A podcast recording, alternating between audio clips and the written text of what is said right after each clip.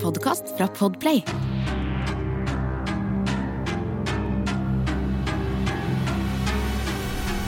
Hei og velkommen til Forsvinningsfredag podcast. Denne episoden kan være skremmende for enkelte lyttere, så dersom du er enten yngre eller sensitiv, så vil jeg anbefale deg å lytte til episoden med en voksen du stoler på, eller skru av.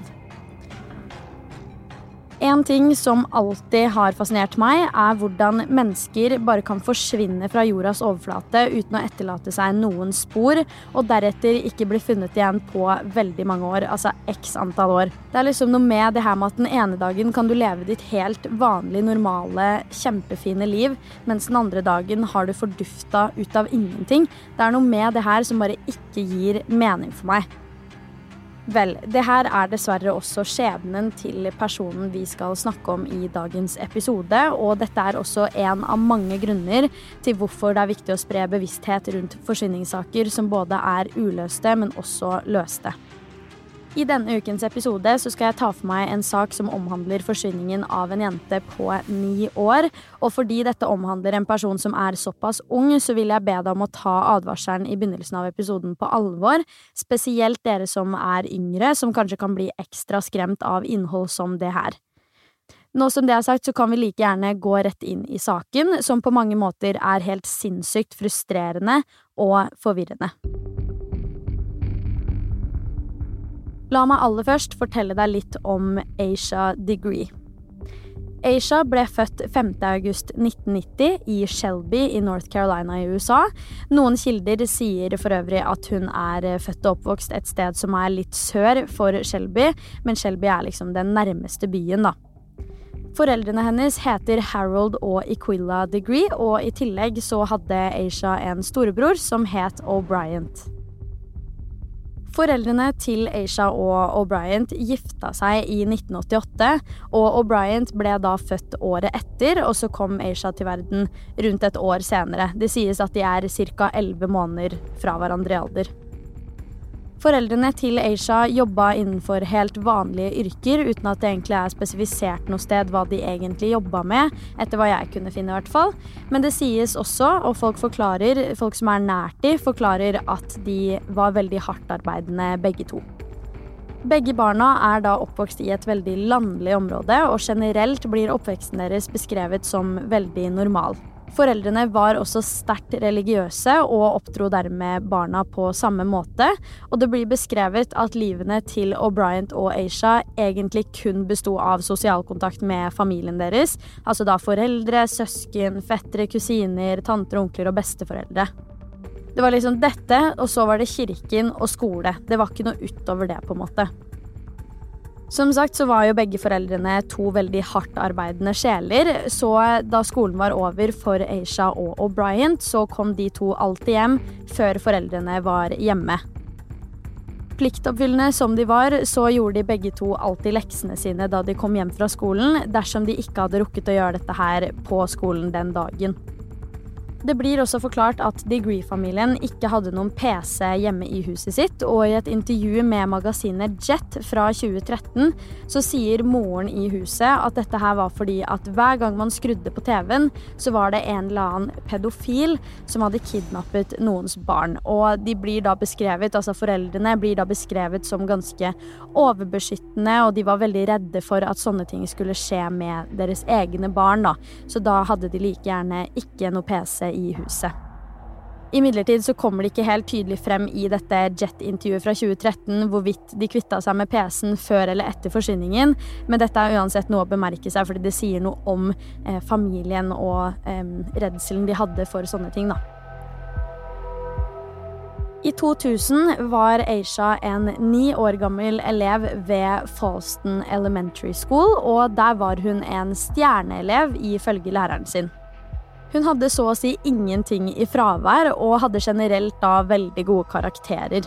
Aisha hadde en drøm om å bli skribent eller illustratør, eller begge deler, etter at hun var ferdig med skolegangen sin, noe som ikke er så veldig rart med tanke på at dette her var en veldig tydelig og stor lidenskap som Aisha hadde.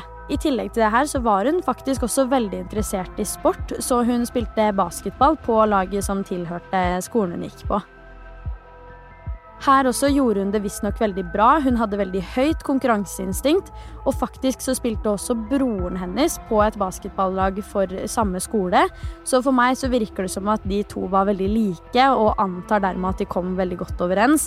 Og det vises egentlig også veldig tydelig i hvordan familien og kjente av familien har beskrevet forholdet deres. Aisha blir beskrevet som en veldig rolig og sjenert jente, og hun fulgte absolutt alle regler som ble innført, både av foreldrene sine, men også på skolen. Samtidig, som er litt på en måte motsigende, er jo at Aisha var en veldig glad person. Lo mye og også prøvde å få andre til å le. Som på en måte ikke nødvendigvis sikter mot at hun var så sjenert, men hun var i hvert fall en veldig sånn livlig, glad jente, da. Og det, det var det folk kjente henne som, at hun var veldig glad og fikk andre til å le. Både Aisha og broren hennes var visstnok også veldig ansvarlige for alderen sin, og veldig kloke for alderen. Som jeg nevnte tidligere, så var jo livet til Aisha så å si kun basert på familie, kirken og skole, og da eventuelt aktiviteter som kom med det, sånn sport og sånne ting som det. Aisha gikk liksom aldri ut noe særlig utover det, og var sjelden sosial med venner utenfor om det var med sport eller andre aktiviteter i skolesammenheng og sånne ting. Og hun hadde også noen velkjente frykter som kanskje henger litt sammen med det at hun kun drev med skole, kirke og familie. Hun var nemlig veldig redd for hunder, livredd for fremmede, og hun hata også mørket. Moren har forklart at Aisha ikke engang hadde lyst til å klappe nabohunden, som hun egentlig kjente veldig godt. Alle disse tingene her er det lurt å ha i bakhodet til senere. 11. februar 2000 var dagen President's Day falt på dette året, som gjorde at Aisha og O'Brien hadde fri fra skolen.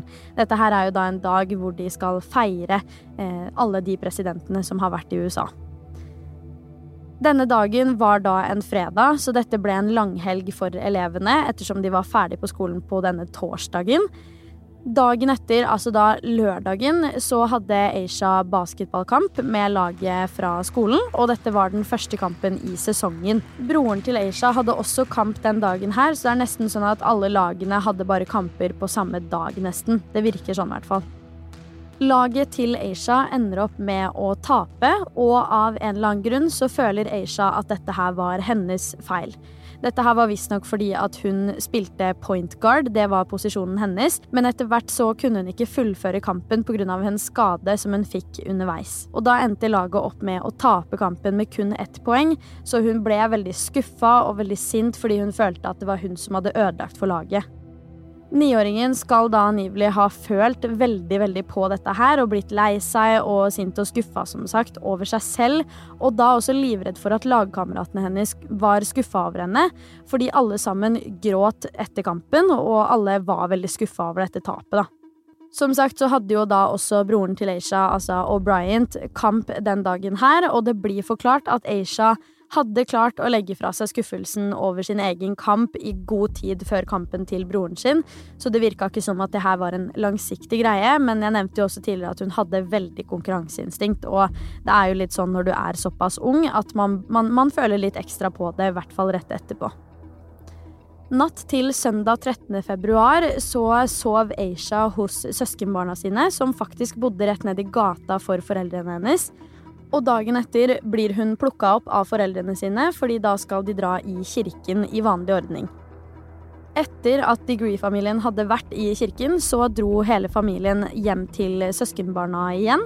Og visstnok så hadde Aisha og søskenbarna lagt seg veldig mye senere enn de pleide dagen før, så da Aisha var ferdig med alt hun skulle den søndagen her, så var hun skikkelig trøtt og sliten, og valgte derfor å legge seg tidligere den kvelden her.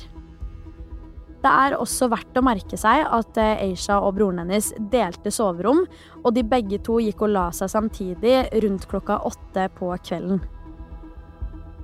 En ting som også er verdt å merke seg her, er at på kvelden den dagen, rundt en time etter at ungene hadde lagt seg, så begynte det å styrtregne og buldret opp mot storm, torden og lyn. Det var også en kjent sak for mange at Aisha var livredd for storm, noe som heller ikke er så rart med tanke på alderen hennes. Jeg husker jo sjøl at når jeg var ni år, så var jeg livredd for det.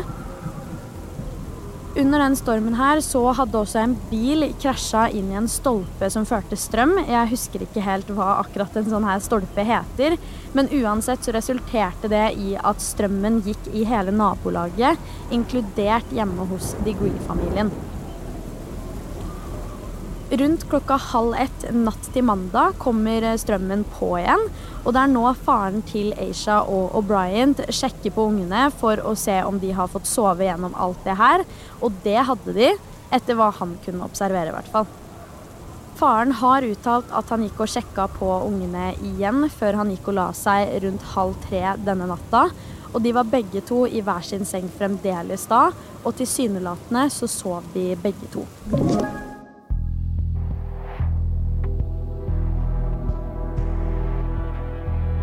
Ikke så lenge etterpå har O'Brien uttalt at han husker å ha hørt noen lyder fra senga til Aisha, liksom at det knirka litt.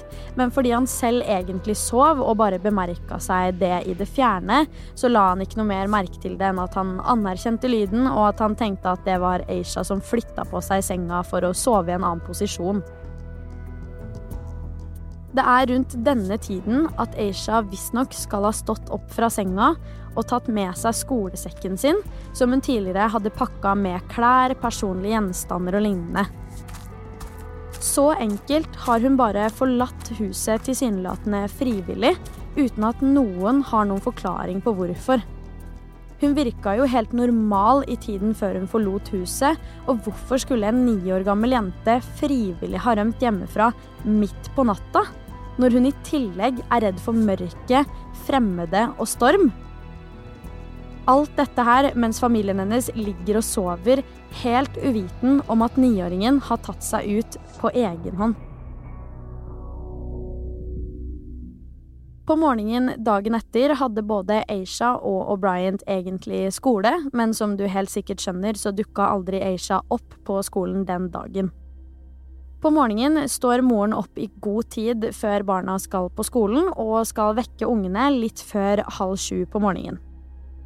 Så fort hun kommer inn på rommet deres, så innser hun at O'Brien er i senga si, men Aisha er ikke.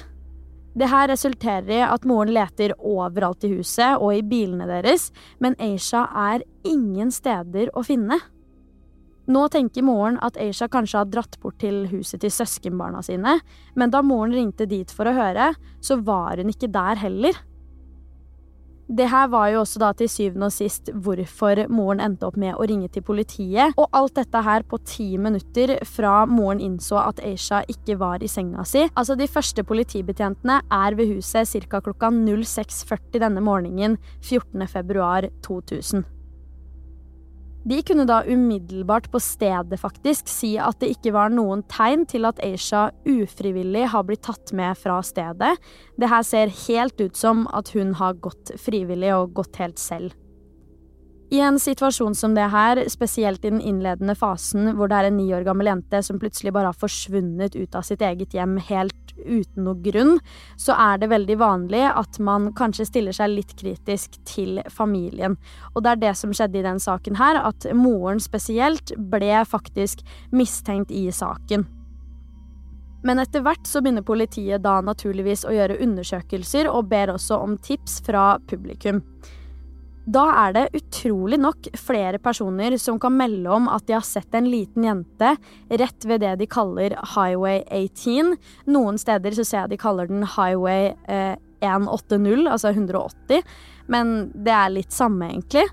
Uansett så var disse observasjonene mellom kvart på fire og kvart over fire denne natta. En ting jeg syns er veldig spesielt i den saken her, er at ingen av de som observerte den lille jenta, valgte å ringe politiet da de så det.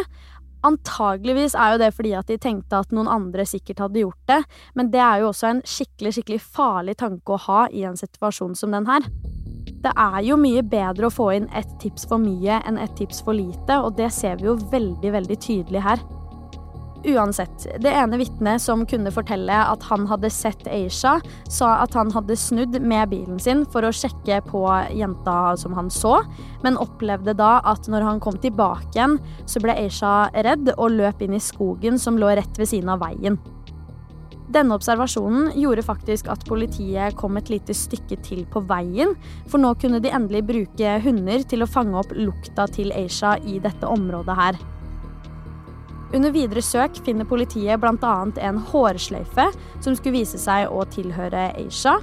I tillegg finner de et bilde av en mørkhudet jente som politiet antar at var på alder med Aisha. Denne jenta har aldri blitt identifisert, ikke engang til dags dato. Gjenstandene som blir funnet, de blir funnet rett i nærheten av en bedrift. og Det gjør jo også at det er litt merkelig at ingen har sett denne lille jenta i området rundt, spesielt da i morgentimene.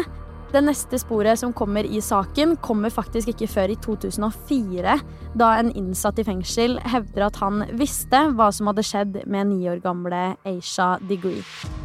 Han forklarer at hun har blitt drept, og kunne også fortelle politiet akkurat hvor de kunne finne henne. Dette er jo en kjempestor ledetråd i saken dersom det stemmer. Politiet undersøker da naturligvis dette sporet, fordi nå har de fått det som kan være et gjennombrudd i saken. Men da de kommer til stedet og får gjort undersøkelsene de skal, så finner de kun levninger av dyr. Etter hva jeg har funnet, så har det ikke kommet noen flere spor etter dette her som i hvert fall ligger på nett, da, og som er offentlig informasjon. Det kan jo være at politiet har veldig mye mer i eh, saksdokumentene sine enn hva de vil gi ut til offentligheten. Nå har Aisha Degree vært savna i mer enn 22 år, og hun er fremdeles ikke funnet. Moren og familien tror faktisk også at Aisha fremdeles er i live. Noe som er veldig interessant med den saken her, er at til tross for hvor gammel saken er, så er den ikke kategorisert som en cold case, altså saken er ikke forelda. Det her er jo egentlig veldig fint, fordi det betyr jo at man fremdeles kan jobbe med saken, finne nye spor og alle disse tingene her. Og faktisk så er det en etterforsker på saken som har sagt at de fremdeles jobber knallhardt med Asia-forsvinningen til dags dato. Så hva tror du egentlig har skjedd i den saken her? Altså Har Aisha frivillig valgt å bare stikke av hjemmefra? I så fall hvorfor? Har hun bare bestemt seg for å vandre ut på egen hånd, ut i alt hun egentlig var livredd for? Altså, det er så mange ting med den saken her som virkelig ikke gir noe mening, når man vet om alle disse fryktene hun har hatt da, og hadde gjennom hele livet sitt. Tror du at Aisha fremdeles lever, at foreldrene kanskje har hatt noe med dette her å gjøre, at de egentlig vet hvor hun er? Hva som helst. Om du har noen tanker, meninger og refleksjoner rundt saken, så send det veldig gjerne inn til meg på Instagram, der det heter Forsvinningsfredag, så skal jeg definitivt svare deg der. Og send det også veldig gjerne inn til meg dersom du har noen saker du veldig gjerne vil at jeg skal dekke i sesong tre av Forsvinningsfredag podkast. Du har hørt Forsvinningsfredag podkast med meg, Sara Høydahl. Og dersom du vil høre om flere true crime-saker, så kan du også sjekke meg ut på YouTube, der jeg heter Sara Høydahl. Uansett så kommer det en helt ny Forsvinningsfredag podkast-episode allerede neste fredag. Og i mellomtiden, ta vare på deg selv.